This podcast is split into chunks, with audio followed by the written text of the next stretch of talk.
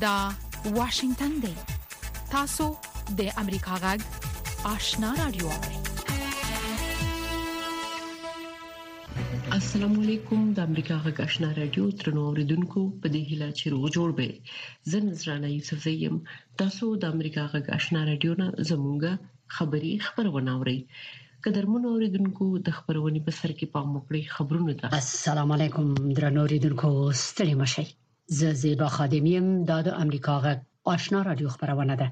د نړۍ د دې ساعت خبرونو ته ستاسو پام را اړوم روزاو تنبایو ویلي چې د طالبانو سره د تعامل دروازې باید ونه تړل شي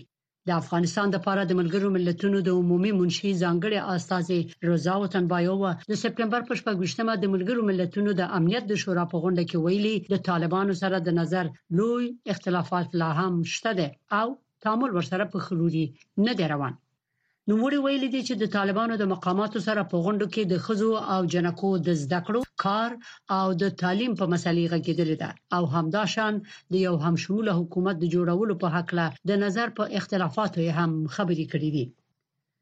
اوتنبایو او ویل کده نظر اختلافات هم داسې ادامه ولري نو د طالبانو د واکمنانو غوښتنې او همداشان د افغانانو ضرورتونه نه حل کیږي د ملګرو ملتونو د چارواکي ویل چې د طالبانو سره د خبرو دروازې باید و نه تړل شي د سره صلیب د کمېټې د افغانستان څانګې په ایکس پاڼه کې لیکلي دي چې په افغانستان کې د بشري ناوړه وضعیت نه علاوه د دې هیواد په ډیرو سیمو کې د اقلیم د بدلون اغیزې څرګندې شوې دي د دغو سیمو خلک د سکلو پاکې وبنه لري د ملګرو ملتونو د بشري چارو د همغږي دفتر اوچا د اسد د میاشتې په اوایلو کې ویلي و چې د افغانستان د څلور دیشو ولایتونو نه په 15 ولایتونو کې سخته وچکالي راغلې ده او له همدې امله افغانستان د نړۍ په هغو لسو هیوادونو کې دی چې د سختو ستونزو سره مخ دي د افغانستان سیمه او نړۍ خبرونه د امریکا غږ واشنگټن نه اوري په داسې حال کې چې په پاکستان کې د افغان مهاجرینو نیول او بندیانول ادامه لري، شپېته تنه نور افغان مهاجرین خوشې شوي دي. د بې سرحده خبریالانو سازمان د مطبوعاتو د وضعیت په هکله ویلي دي چې په ټولې نړۍ کې خبریالان د یو اضطراري حالت او تهدیدونو سره مخ دي. د دغه سازمان د مرستو د چارو مسول خاغلی برنار د سپټمبر په شپږمه د خبريالانو وضعیت د پام د اړولو د کمپاین غونډې ته وینا کې په ایران او افغانستان کې د خبريالانو ځپلو ته په اشاره ویلي دي چې د روسیې لخوا ناسم معلوماتو د اقلیم د اغیزو په وخت کې خبريالان د تهدیدونو سره مخ کړي دي په پاکستان کې مشهور خبریال عمران ریاض خان چې څه باندې پنځه میاشتې مخکې پولیسو نیولی و، د مرګ او ژوند درکې نه لګېده، د سپټمبر په پنځه ویشت مه بېرته خپل کور ته ستون شوی دی. د ښاغلي ریاض مدافع وکیل او پولیسو د هغه خوشې کېدل تایید کړي دي. خبرونه د امریکا غږ آشنا راډیو نه اوري.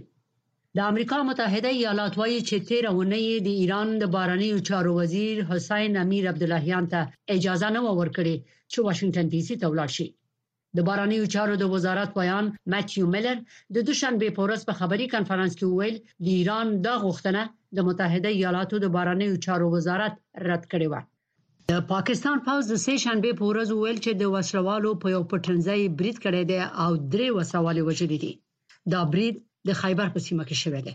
د پاکستان د پوز په اعلامیه کې ویل شوی دی چې په برید کې د وسلوالو یو قومندان هم وژل شوی دی په دې اعلامیه کې راغلي دي چې دغه وسلوالو مخکې هم د پاکستان په قواو بریدونه کړي وو د دې تازه برید په حق له نور جزئیات نه دی ورکړل شوی د سیمې او نړۍ خبرونه د امریکا غږ آشنا رادیو نه اوري د روسیې چارواکو د سه شنبې په ورځ خبرداري ورکړ چې د امریکا ابرامز ټانکونه به په اوکراین کې د جګړې حالت بدل نکړي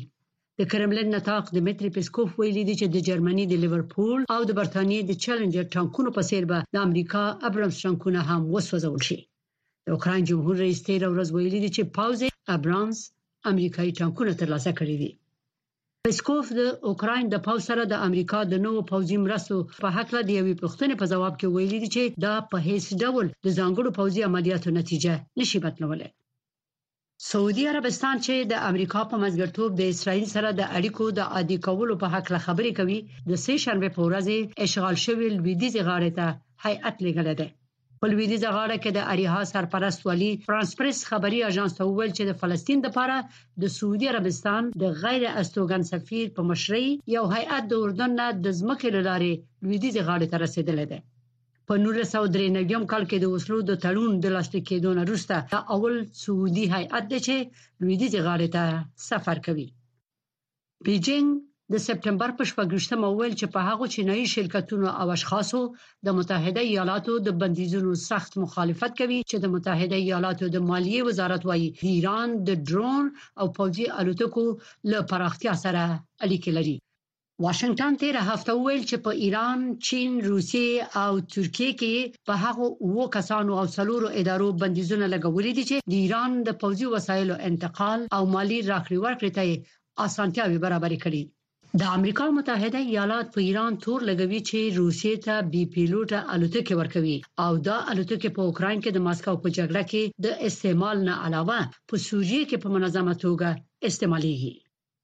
ټاکل شوې ده چې د امریکا د راتلونکي کال د جمهوري ریاست د انتخاباتو لپاره د جمهوري غوښتونکي ګوند کاندیدان نن د سپټمبر په ویشتمه دویمه مناظره کې برخه واخلي.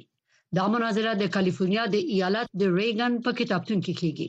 د امریکا څلور څلوېښتم جمهور رئیس رانالډ ریګن د امریکا د یو محافظه کار جمهور رئیس په حیث شهرت لري. زیبا خادم امریکا غږ واشنگتن زیبا خادم امریکا غږ واشنگتن د امریکا غږ شنا رادیو ترنو اوریدونکو تاسو خبرونه واوریدل په موکړی زموږ د خبرونې لومړی رپورت ده. د طالبانو د حکومت د بهرنیو چارو وزارت سرپرست مولوي امیر خان متقي په مشرۍ یو پلاوی د مسکو فارمټ په غونډه کې د ګډون لپاره روسیې ته تللی دی. ټاکل شوې دا غونډه به د جمعې په ورځ د روسیې د تارترستان د جمهوریت د کازان ښار کې جوړه شي. د سیاسي چارو کارپوهان وایي چې د دغې غونډې نه د ډېر څه تمه په دې نشي کېدای چې د دغې غونډې د جوړېدو نه د روسیې هدف د افغانستان په چارو کې د خپل ځان مطرح کول دي. اکرام شینواری رپورټ را لګلې د طالبانو د حکومت د بهرنی چارو وزارت سرپرست مولوی امیر خان متکی په مشرۍ یو پلاوی د مسکو پرمټ په غونډه کې د ګډون لپاره د دوشنبه پورز د کابل څخه مسکو ته تللی دی دا غونډه چې ټاکل شوې د روان جمعې پورز سپټمبر په 9مه به د روسیې د فدراسیون د تاتاریستان پایتخت د کازان په ښار کې جوړ شي د طالبانو د حکومت د پلاوی سربېره د روسیې هند ایران قزاقستان قرغیزستان چین پاکستان پاکستان تاجکستان ترکمنستان او ازبکستان استازي هم پکې ګډون وکړي د طالبانو د حکومت د بهرنی چارو وزارت په یوې اعلامیه کې ویلي چې ښاغلی متقي په مشرۍ پلاوی به دوه ورځې په مسکو کې پاتې شي او وروسته به د روسي فدراسیون تتاریستان جمهوریت مرکز کازان ته د مسکو پر مټ غونډه کې د ګډون لپاره دغه ښار ته لاړ شي د افغانستان لپاره د روسي د جمهوریت ځانګړي استازي زمیر کابلوف ویلي چې د طالبانو حکومت د بهرنی چارو وزارت سرپرست وزیر امیر خان متقي د افغانستان په اړه د مسکو پر مټ جوړېدونکې مشورتي غونډه کې د ګډون لپاره بللی دی. کابلوف د دوشنبې په ورځ د روسیې د تاس خبري اژانس ته وویل چې امریکا ته یې په دې غونډه کې د ګډون بلنه نه ده ورکړې. افغانستان لپاره د روسیې د جمهوري ځانګړي استازي همدارنګه وویل چې د افغانستان په اړه د تورنیکا خبرې چې امریکا پکې برخه لرله اوس په عملي توګه له منځه تللې دي. هغه وویل چې څلورو هېوادونو، روسیې، چین، پاکستان او ایران، یې اوس زې نیولې دي د دې د مخه افغانستان لپاره د روسي د جمهور رئیس ځانګړي استازي د تاس خبري اژانس ته ویلي چې یو ټول شمول حکومت جوړیدل د مسکو پرمټ د را روان غونډې د اجندا یو عمده موضوع ده د سیاسي چارو یو کارپو طارق پرهادي په دې نظر دی چې روسیه د مسکو پرمټ غونډه تر ډیره د دې لپاره جوړي چې دا هیواد د افغانستان په چارو کې ځان مطرح کړي در حقیقت طالبات در پای نمی دو چیز هستند که حکومتشون به رسمیت شناخته شود این هم در مسکو نمیشه و تعزیرات از روشون برداشته شود این هم د مسکو نمیشه خب کشورهایی که در اونجا من زیادتر از این مسائل مواد مخدره و تروریسم گپ میزنن و یک تماس است اما چیزهایی که بیشترین طالبان میخوان در اینجا به دست نمیآید د سیاسي چارو یو بل کارپوه احمد خان اندړ وایي چې د مسکو د تیرې غونډې سره د را روانې غونډې توپیر دا دی چې په دې غونډه کې د مولوي امیر خان متقي په مشرۍ یو پلاوی هم برخه لري. خو موږ وینو چې روسیه هم د افغانستان په هکله دوه مخی سیاست په مخ بیایي، کوشش کوي د خپلو حریفانو په مقابل کې د افغانستان له اوسني وضعیت څخه ګټه پورته کړي. د دې غونډې پایلې لا نامعلومه دي، خو هغه هېوادونه چې د افغانستان په هکله غونډې جوړوي دوی باید د افغانستان خلک د یادو نه باسي او هر پریکړه چې هلته کیږي د افغانستان د خلکو سیاسي ټولنیز اقتصادي او امنیتي وضعیت ته باید ځانګړې کتنه پکې شوی وي دا سینه چې یوازې د غونډو په جوړولو سره خپل رقیبانو ته ځان خوونه وکړي او د افغانستان له وضعیت څخه ستراتیژیکې ګټې پورته کړي. د افغانستان لپاره د مسکو غونډې له دوه زره اوولسم کال راهیسې هر کال جوړېږي. د دوه زره دوهویشتم کال د نوامبر په میاشت کې دا غونډه د طالبانو د استازو له ګډون پرته جوړه شوې وه، خو د دوه زره یوویشتم کال غونډې ته د طالبانو استازي هم بلل شوي وو. د بدلون پر مهال کله چې د نړۍ وضعیت څرګند نه وي او کله چې اورېدل له عیني واقعیتونو سره سمون نه خوري،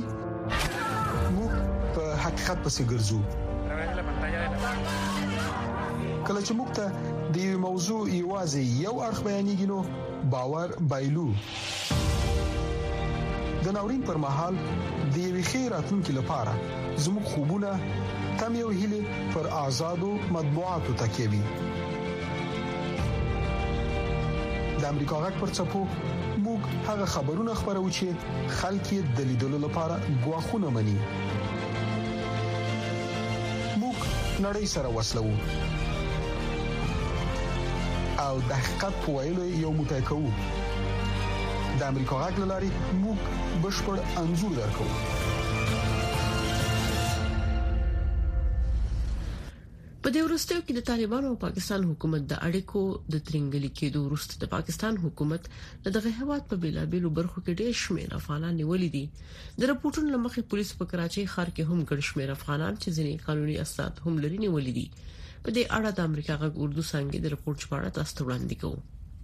په دې وروستیو کې په کراچۍ ښار کې د پاکستان پولیسو نږدې شپږ سوه افغان کډوال نیولي او زندان یې کړي دي. په دغه ښار کې میشت افغان کډوال وايي چې که څه هم د دوی د پاکستان د حکومت له خوا دوی ته ورکړل شوي د اوسیدو قانوني پیژند پاڼې هم لري خو بیا یې هم د پاکستان حکومت ځوروي او بندي کوي.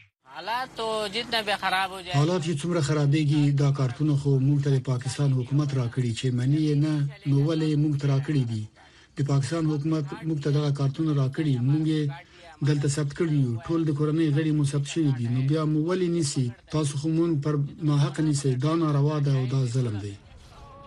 د لسو بچو پلار پنځه څلوېښت کلن جمعدین د کراچۍ د سوراب ګوټ د سیمې اوسېدونکی دی. جمعدین څلوېښت کاله پخوا له افغانستان څخه پاکستان ته کډوال شوی و. دا مهال دی د خپل اتلس کلن زوی باسط د نیول کیدو په اړه اندیښمن دی. باسط یوه اونۍ وړاندې د کراچۍ پولیسو نیولی او زندان ته یې اچولی. زما زوی چې پولیسو نیولی، هغه رکشه چلوله. پولیسو ترې د پیژندپاڼې غوښتنه کړې وه چې نوموړي ورته د خپل کارت فوتوکاپي ښودلې وه. پولیسو د نوموړي د پیژندپاڼې فوتوکاپي ای خوا اچولې وه او هغه یې د پولیسو سره سر ماموریت بولی و. کله چې موږ د پولیسو سر ماموریت ته ورغلو، پولیسو ویل چې زما د زوی لپاره یې رسمي دوسیه پرانیستې ده. دوی ویل چې باید محکمې ته ولاړ شو، بیا موږ محکمې ته ولاړلو، دا زما د زوی اصلي پېژندپاڼه ده، دا د نوموړي پر خلاف ثبت شوې دوسیه ده، دوی بیا هم زما زوی پرېنښودو، دی اوس د لانډي په سیمه کې په سیمه ییز زندان کې بندي دی. دا یوازې د یوه افغان قصه نه ده، بلکې د پاکستان او افغانستان ترمنځ په اړیکو کې د تازه جنجالونو وروسته پاکستان په ګڼ شمېر د افغانانو نیول پیل کړي. د پاکستان حکومت وايي چې دوی یوازې په جرمونو کې د ککړو او په ناقانونه توګه په پاکستان کې د مېشتو افغانانو پر وړاندې عملیات کوي، خو افغان کډوال دغه خبره نه مني. په دې افغانانو کې یوه یې نسیمه ده. زما مېړه یې له نانوایي څخه په دې پلمه چې دی کوم اسناد نه لري، له ځانه سره بولې دی. هغه یې بېرته افغانستان ته لېږلې دی. غلطه دوسیه یې د نوموړي پر خلاف جوړه کړې ده. زه د دې لپاره چې پوښتنه وکړم چې ولې غلطه دوسیه جوړه کړې راغلی یم زما د میړه سره ټول اسناد موجود دي او دلته راجستر شوی هم دی. د افغان کډوالو د مشرانو د جرګې یو غړی وايي چې د پاکستان د حکومت له خوا د زیات شمېر افغان کډوالو نیولو د افغانانو ستونزې لا پسې زیاتې کړي.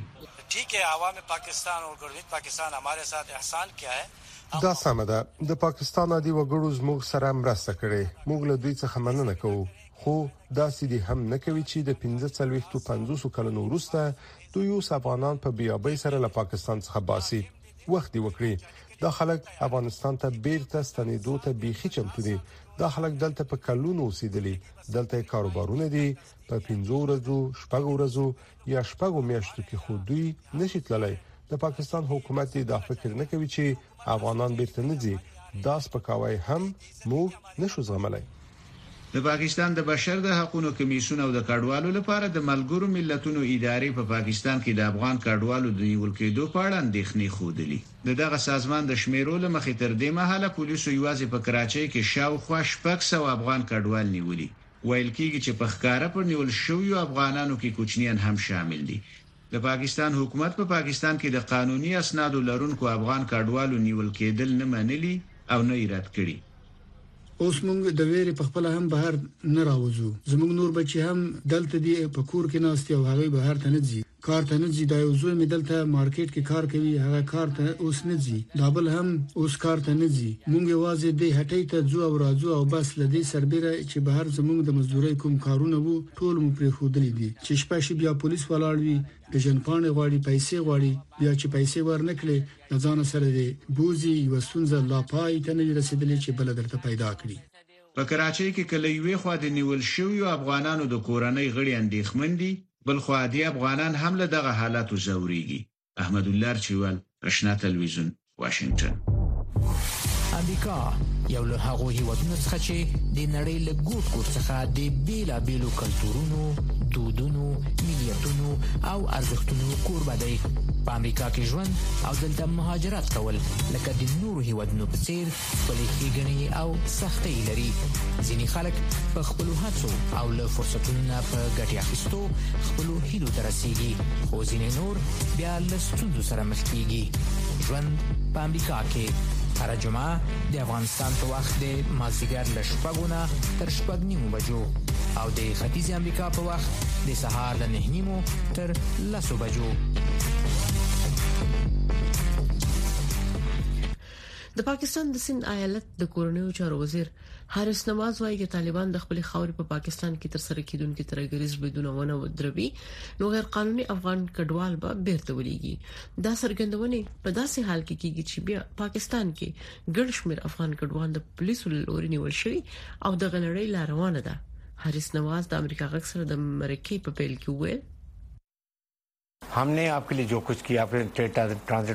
موږ ستاسو لپاره څه نه دي کړي، موږ چرته په ټرانزیټ کې خنډونه اچولي، غوړي،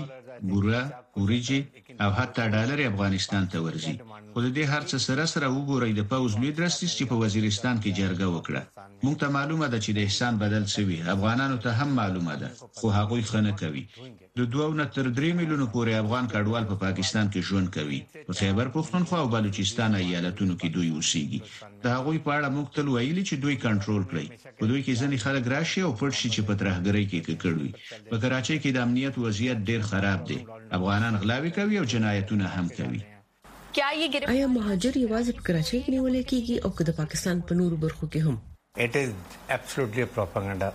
دا پروپاګند دی، په ټول پاکستان کې یوه تګلاره ده او هغه پلي کیږي. یو حکومت دی او هغه فیډرالي حکومت او موږ د هغه امر پلي کوو. په کراچۍ کې ځکه زیات افغانان نیول کیږي چې دلته دوئ ډیر زیات دي. دلته پښتانه هم اوسیږي او افغانان هم اوسیږي، بهاریان، بلوڅان او نور ډیر قومونه دلته اوسیږي. موږ پوهیږو چې دا یو ډیر لوی ښار دی، دلته خلک کاروبار ته راځي، دوی زموږ وروڼه دي، موږ ته ترې ستونزه نشته، خو چې څوک هم دلته په غیر قانوني توګه راځي او دلته غلاوې کوي، نشه یي توکي خرڅوي، نو موږ به د هغوی پر ضد اقدامات وکړو.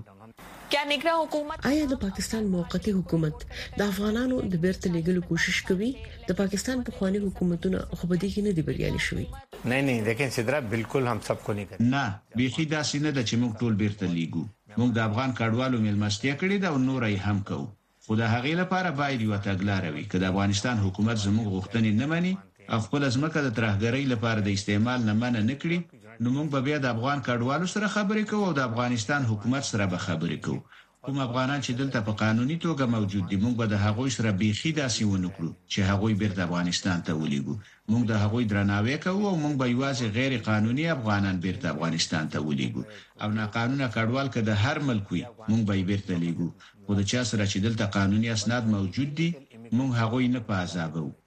افغان مهاجرین کا یې الزام هې. افغان مهاجر دا ادعا کوي چې پولیس ترینه بډې اخلي او هغه کسان هم نیسي چې د هغوی سره قانوني اسناد موجود وي. تاسو په دې اړه څه وایئ؟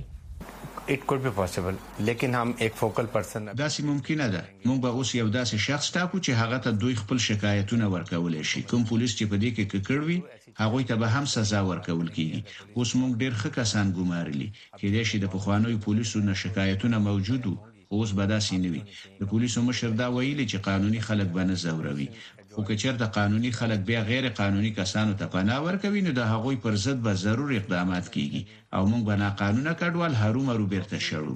ستونزه دا ده چې دوی دلته اوسېږي. دلته خوري او څښي ګټه ددې ځای پورته کوي او بیرغونه د افغانستان پورته کوي د پاکستان ضد دي تاسو به کرکټ لوبه لیدلي وي دا ډیره د خپګان خبره ده موږ چې د دوی سره څومره ښه کړي او دوی بیا هم داسې کارونه کوي نو زموږ حق دی چې پر دوی نظر وساتو.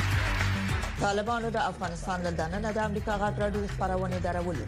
خو امریکا غږ په پوره ژمنتیا خپل افغان اوریدونکو ته په پښتو او دری ژبه د کره باوري او هر اړخیزو خبرونو په خبرولو د افغانستان له بهره په 902 کیلو هرتز منځنوي سپو خپل خبرونه ته دوام ورکړي د دې ترڅنګ تاسو کولی شئ چې زموږ پښتو خبرونه په لاندو سپو هم واورئ پښتو سهارنې خبری خبرونه پر 2290.0 سپو اوریدل شي ما خبرنې پښتو خبرونه په 2140.0 2015.0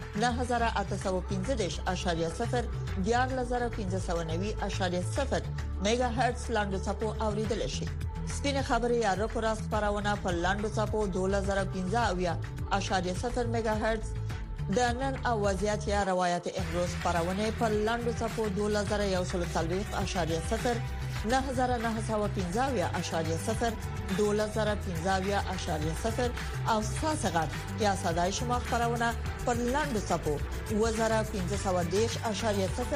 9315 میگا هرتز اوریدل شي د امریکا د جمهوریت غوښتونکي ګوند د ولسمشرۍ کاندیدان د چهارشنبه په ورځ خپل دویمه مناظره لري د مناظرې لپاره ټاکل شوې ځای یو ځل بیا هغه پخوانی جمهور رئیس را څرګندوي چې لا هم د یاد ګوند لپاره د محافظه کاری بیلګه ده پام وکړئ د راپور ته دی چې په یو ښه ویناوال مشهور و ځنو ساده او سپینو خبرو یې تاریخ جوړ کړو. Mr. Gorbachev. اغلې ګورباچوف دا دېوال را ونړوه. ریګن د امریکا په تاریخ کې د تر ټولو محبوب جمهوري غوښتونکي ابراهم لینکن ځای نیولی دی. کریګ شیرلي د ریګن د کمپاین او د ریګن په جمهوري دوره کې ورسره و او د ریګن په باره کې یې شپږ کتابونه لیکلي دي. هغه وایي، اوسني جمهوري غوښتونکي کاندیدان به د مناظرې په جریان کې ځانونه د ریګن سره پرتله کړي. په کاندیدانو کې د نیوجرسي والي کریس کریسټي، د فلوریډا والي ران ډیسانتیس، د جنوبي کارولینا سناتور تیم سکاټ، د جنوبي کارولینا پخوانۍ والي نیکي هیلي، د بایو ټکنالوژۍ پانګوال ویویک راماسوامي او د جمهوري ریاست پخوانی معاون مایک پنس شامل دي. مایک پنس به خامخا د مسایلو په اړه د ریګن نظریتي دریځ ونیسي، نیکي هیلي او ویویک رامسوامي به هم عین دریځ ونیسي. رام سوامي په لومړۍ مناظره کې ویل چې پر اوکراین د روسیې د تیري په پرتلې چین د ډېرې اندېښنې وړ دی خو په ملګرو ملتونو کې د امریکا پخوانۍ سفیرې نیکي هیلي خپل دا ځوان سیال په بهرني سیاست کې د کمې تجربې لامل چیلنج کو ریګن چې په خپل وخت کې د امریکا د تاریخ تر ټولو زیات عمر لرونکي جمهور رئیس په یوه مناظره کې یې په عمر وخندل. زه به د سیاسي موخو لپاره د خپلو سیالانو ځواني او بې تجربه توب یاد نه کړم. د جمهوري غوښتونکو مخکښ کاندید پخوانی جمهور رئیس ډانلډ ټرمپ به په دې مناظره کې ګډون ونه کړي،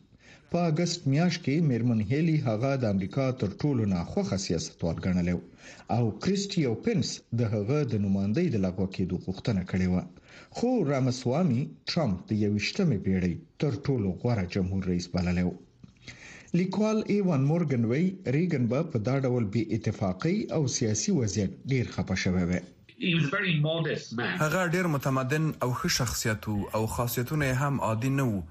نو دا هغه څه دي چې د اوسنیو جمهوري غوښتونکو سره نه پرتله کېږي. خو د ریګن یوه خبره لا هم صدق کوي. آیا تاسې د څلور کاله پخوا په پرتله اوس ښه یاست؟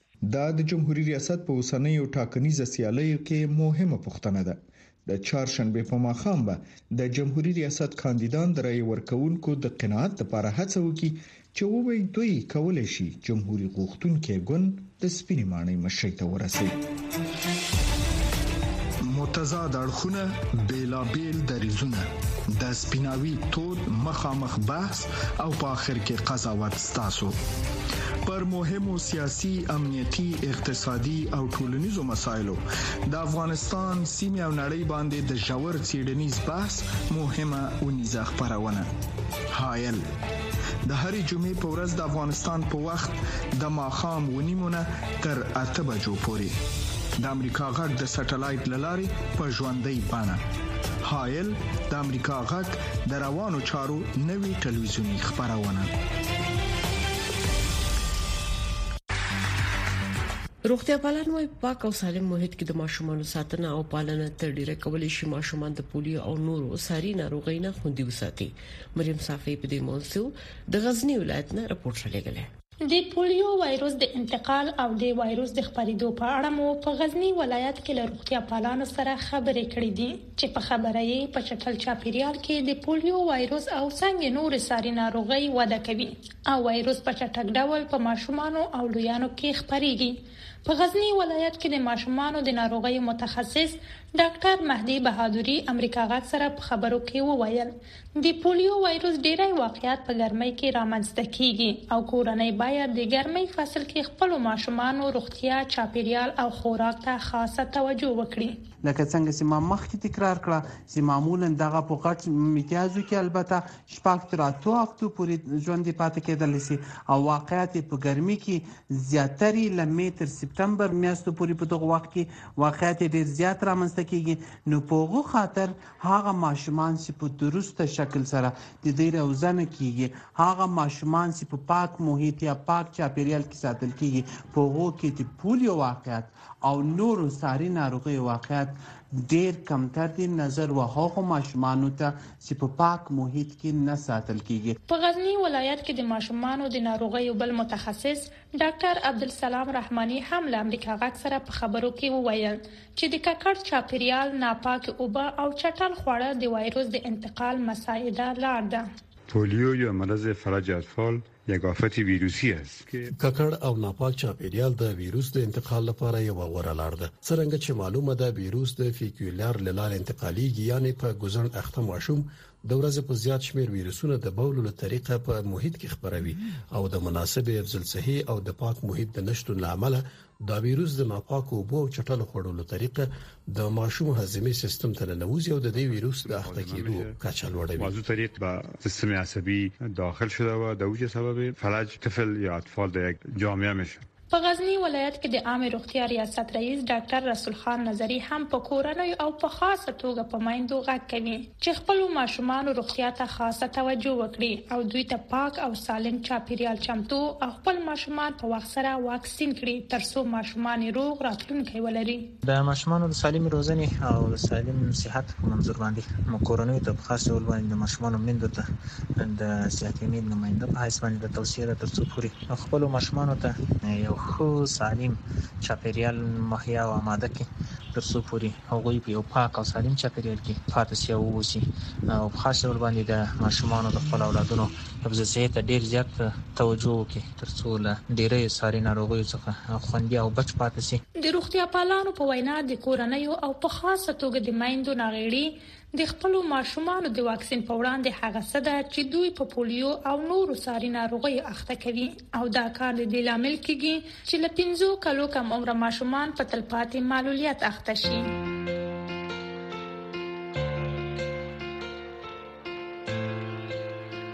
قدرمنو اوریدونکو تاسو د امریکا د آشنا رادیو نه زموږه خبری خبرونه واوریده موږ تاسو ته په دې هیله اجازه غواړو چې خبرونه به اوریدلې وي د خوده په